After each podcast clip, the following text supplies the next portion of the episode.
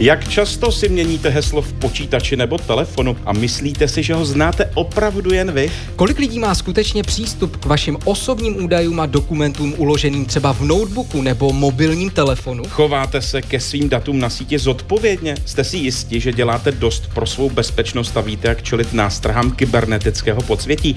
Nejen o tom bude dnešní experiment speciál. Až do desáté hodiny ho pro vás budeme na radiožurnálu vysílat živě z Fakulty informatiky a managementu Univerzity Hradec Králové. Dobré sobotní dopoledne s experimentem speciál vám přeje Martin Pařízek A Ondřej Vaňura. Experiment speciál. 9 hodin a 10 minut, tady je radiožurnál a posloucháte speciál magazínu Experiment. Dnes ho pro vás vysíláme z Fakulty informatiky a managementu Univerzity Hradec Králové. No a celou hodinu se budeme věnovat kyberbezpečnosti a tomu, co to jsou kyberútoky, jak se chránit před ztrátou dat, ale i jak tady v Hradci Králové připravují nové experty v tomto oboru. Josef Horálek z katedry informačních technologií Fakulty informatiky a managementu je teď prvním hostem experimentu. Dobré dopoledne. Dobré dopoledne. My jsme ve vaší nové laboratoři počítačových sítí, tady kolem nás je spousta počítačů. Vy sami o této laboratoři mluvíte jako o špičkové, tak v čem ta špičkovost spočívá? Ta špičkovost laboratoře spočívá hnedka v několika částech. Kromě toho, jak jste říkal, tady máme celou řadu počítačů, jsou to ve své podstatě lokální servery, které jsou pak určeny pro experimenty a řešení e, dílčích úloh. Tak dále tady máme špičkové vybavení na úrovni síťových technologií, kde je tady přes 50 prvků, které jsou k dispozici nejenom nám jako výzkumníkům, ale primárně našim studentům.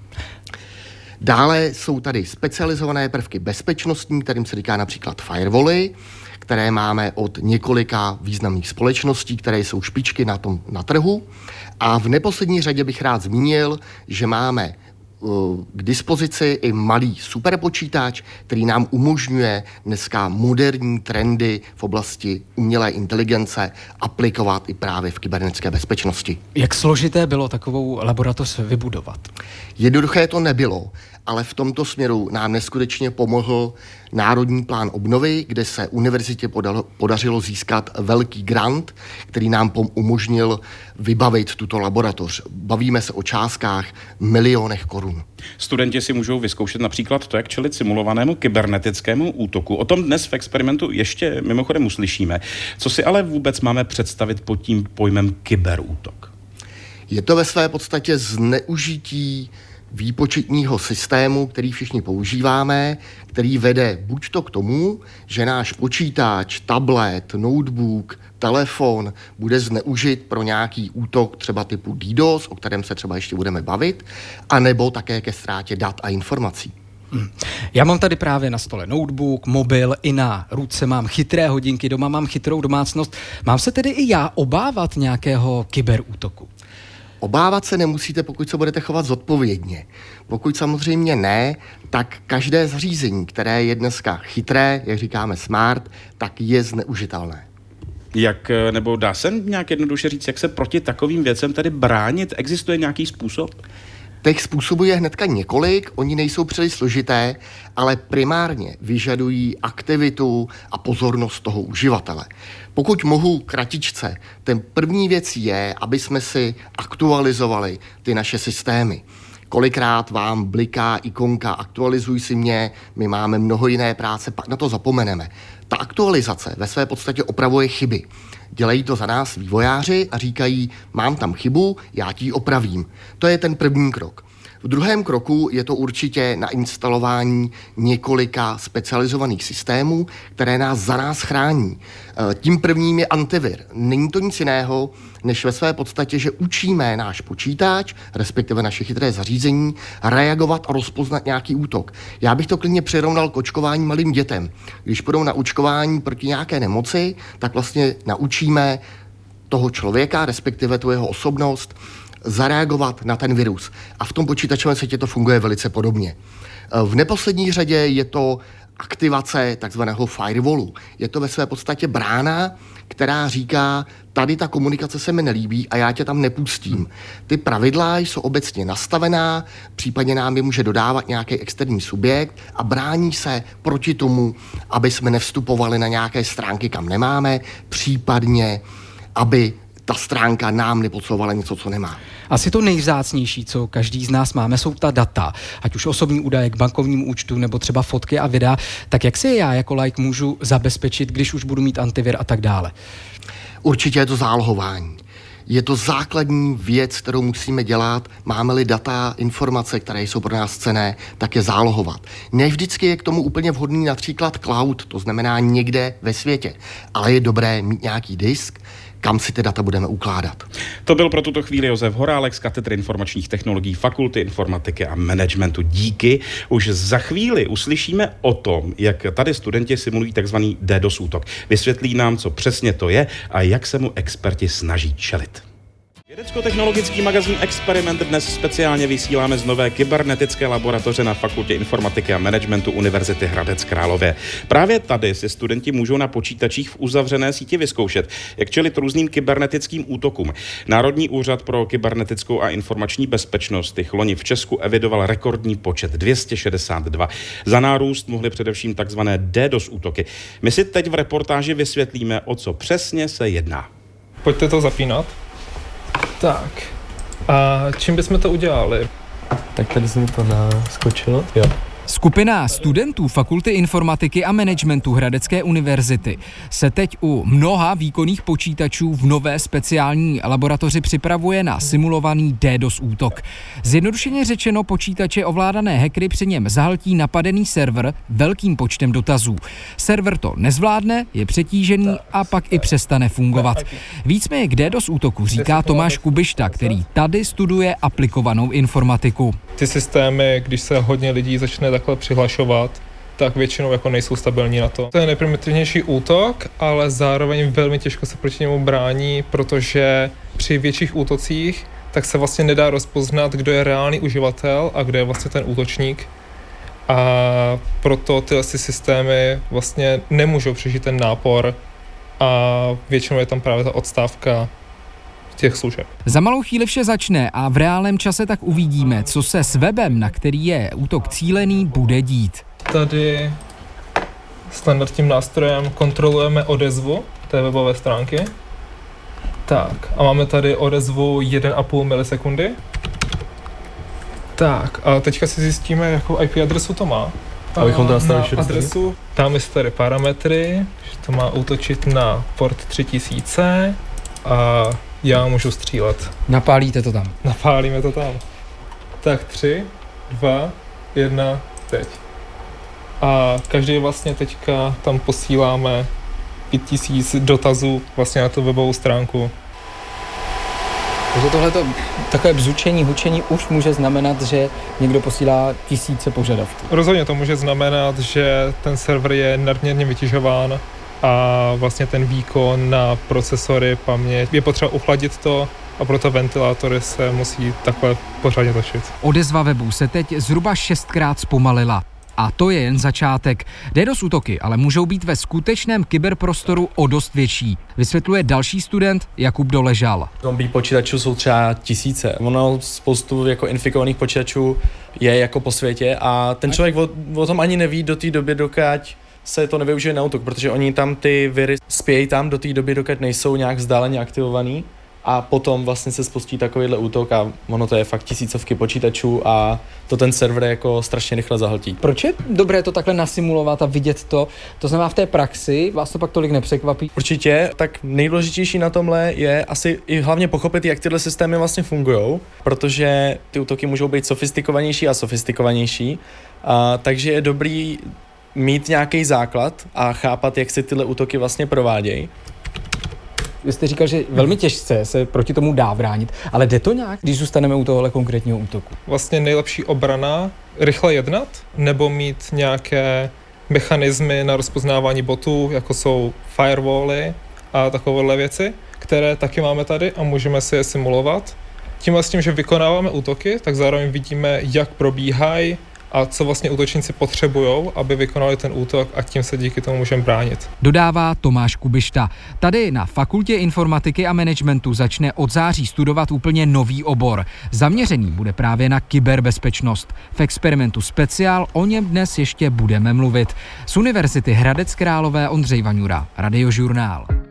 Posloucháte radiožurnál a experiment speciál. Dnes ho pro vás vysíláme živě z Univerzity Hradec Králové a mluvíme o kyberbezpečnosti. Teď už je tady ve speciální laboratoři počítačových sítí společně s námi další host, a to děkan Fakulty informatiky a managementu Josef Jinek. Dobré sobotní dopoledne. Dobré ráno. Vaše fakulta má jako jediná v Česku pro studenty možnosti takzvaných virtuálních židliček. Co si pod tím mám představit, o co se jedná? My jsme fakulta, která je velice silně zaměřena na mezinárodní rozměr a snažíme se co nejvíce našich studentů poslat do zahraničí a co nejvíc zahraničních studentů mít tady. A to v covidu nešlo. Nemohli jsme chodit ani do školy, naučili jsme se efektivně využívat distanční kurzy. A když bylo po covidu, tak jsme si říkali, že bychom to možná mohli otočit. A zapojili jsme se do mezinárodního programu Coursera. Díky němuž mohou naši studenti využívat distanční kurzy z těch nejlepších světových organizací a firem. A máme v každou chvíli 150 židliček, stojí nás to řádově jednotky milionů korun, ale velmi dobře se to vyplácí, protože jsou to skutečně kurzy prestižní. A student získává certifikát příslušné instituce a on už to má úplně zdarma. Do kterých univerzit nebo společností se tak můžou studenti díky těmto kurzům dostat?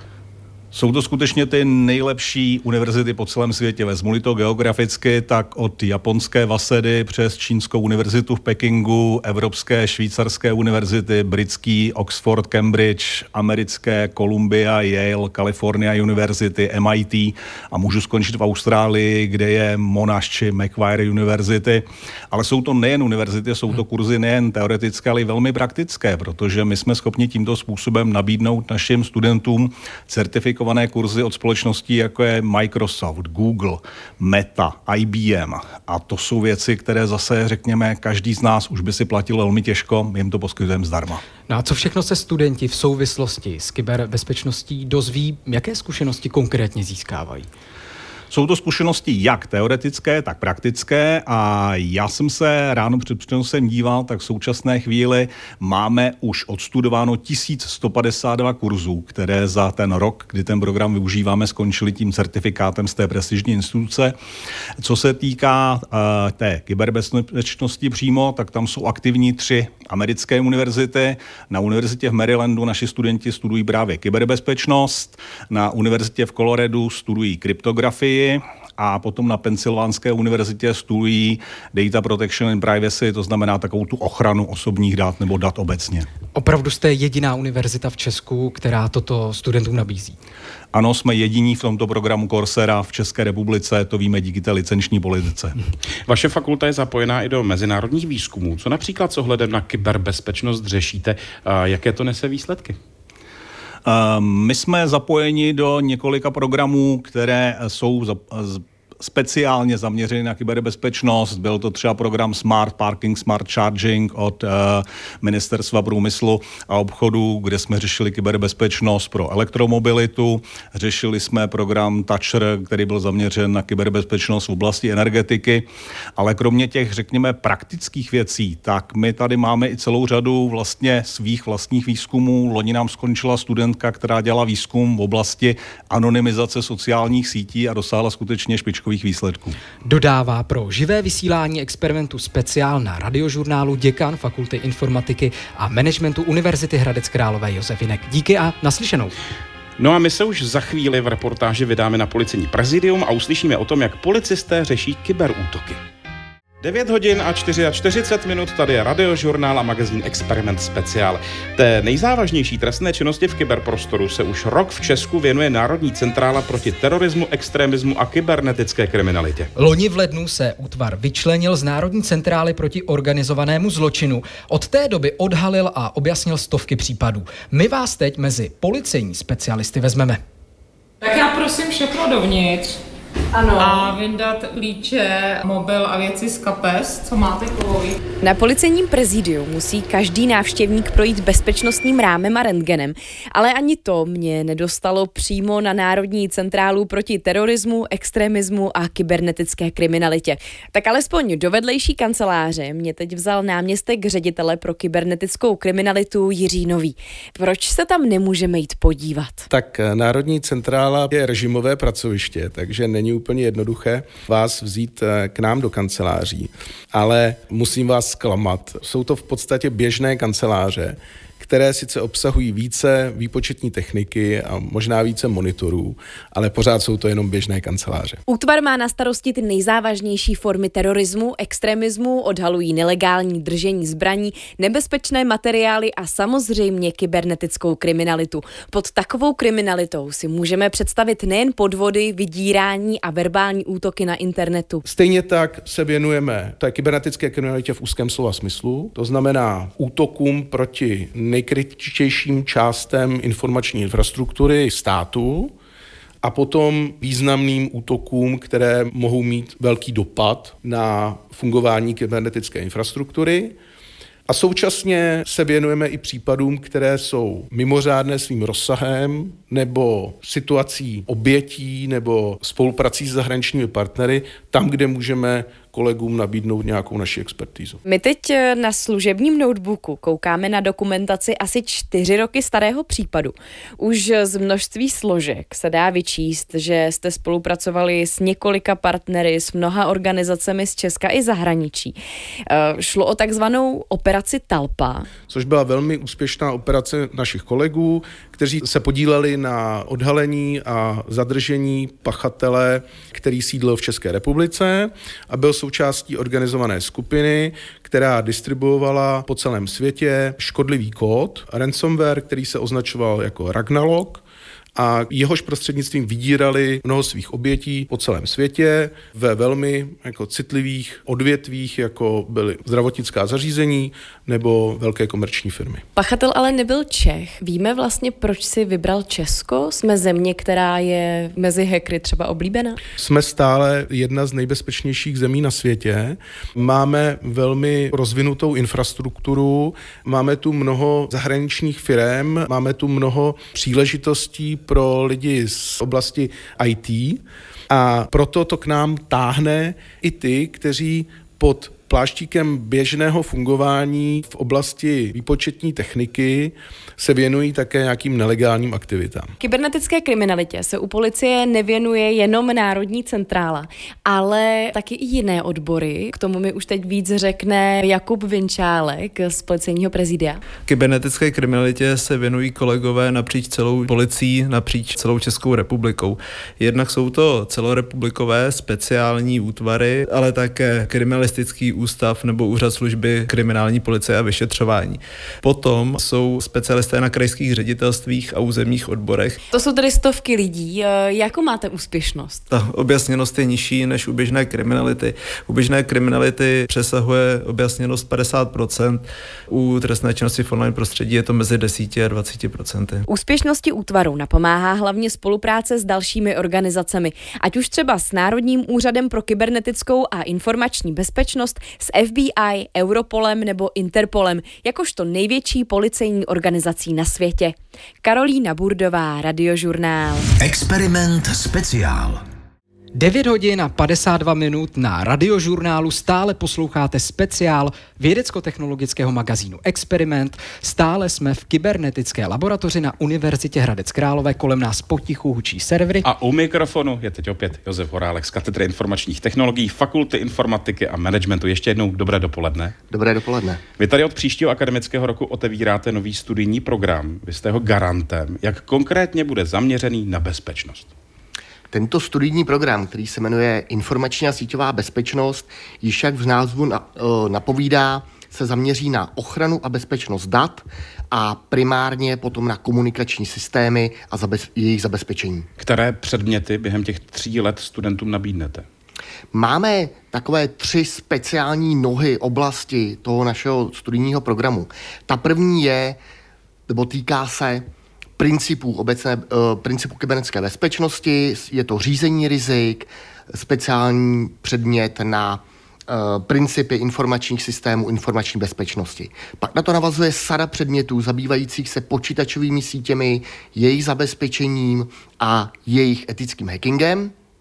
A poslední fáze jsou taková aplikační bezpečnost, kde máme bezpečnost databázových systémů, webových aplikací. Pokud bych eh, tento obor vystudoval, tak eh, jaké bude moje uplatnění na trhu práce? My, když jsme ten program sestavovali, tak jsme hledali díru na trhu. A ta díra na trhu je za nás dána i legislativou a my budeme primárně vychovávat absolventy pro pozice manažera kybernetické bezpečnosti, architekta kybernetické bezpečnosti, ale s tím spojené i participační záležitosti, jako je bezpečnostní analytik nebo etický hacker. Jak to právě vypadá s tou etickou stránkou? Jednoduše řečeno, nevychováváte tady nové hackery, lidi, kteře, kteří pak přejdou třeba na druhou stranu? My doufáme, že ty naše absolventi na druhou stranu nepřejdou. Samozřejmě, ale aby se dokázali bránit ten nejlepším, tak taky musí být oni ty nejlepší. To znamená, musí vědět, s jakými nástroji ten hacker pracuje, musí je umět ovládat, charakterizovat jejich chování a potom dokáže nastavit správnou obranu. Jak vaše fakulta spolupracuje s Národním úřadem pro kybernetickou a informační bezpečnost? Tak tento úřad, který v dnešní době zastává zásadní roli v oblasti kybernetické bezpečnosti v České republice, nám mimo jiné přislíbil participaci na přednáškách, spolupráci při výchově studentů, a to zejména tím, že zprostředkovává stáže na svých oblastech, ať je, to, ať je to právní část nebo certy a případně další technické pozice. Hmm. Celý dnešní experiment speciál eh, jsme si povídali o kyberbezpečnosti.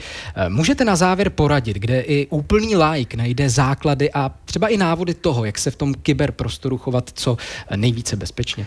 Těch zdrojů je celá řada, ale za mě je nejlepší zdroj právě stránky Nukibu, který má adresu osvěta.nukib.cz, kdy specialisté z Nukibu i s ohledem na vzdělávací aktivity připravili celou řadu kurzů od základních škol až po seniory. V tom online prostředí stále platí používat selský rozum, to je pravda. To je úplný základ. Chovejme se zodpovědně a pak, se, pak bude všechno lepší. Josef Horálek z katedry informačních technologií Fakulty informatiky a managementu. Díky za rozhovor a naslyšenou. No a experiment speciál z Univerzity Hradec Králové je u konce. Dobré sobotní dopoledne s radiožurnálem vám přeje Martin Pařízek a Ondřej Vaňura.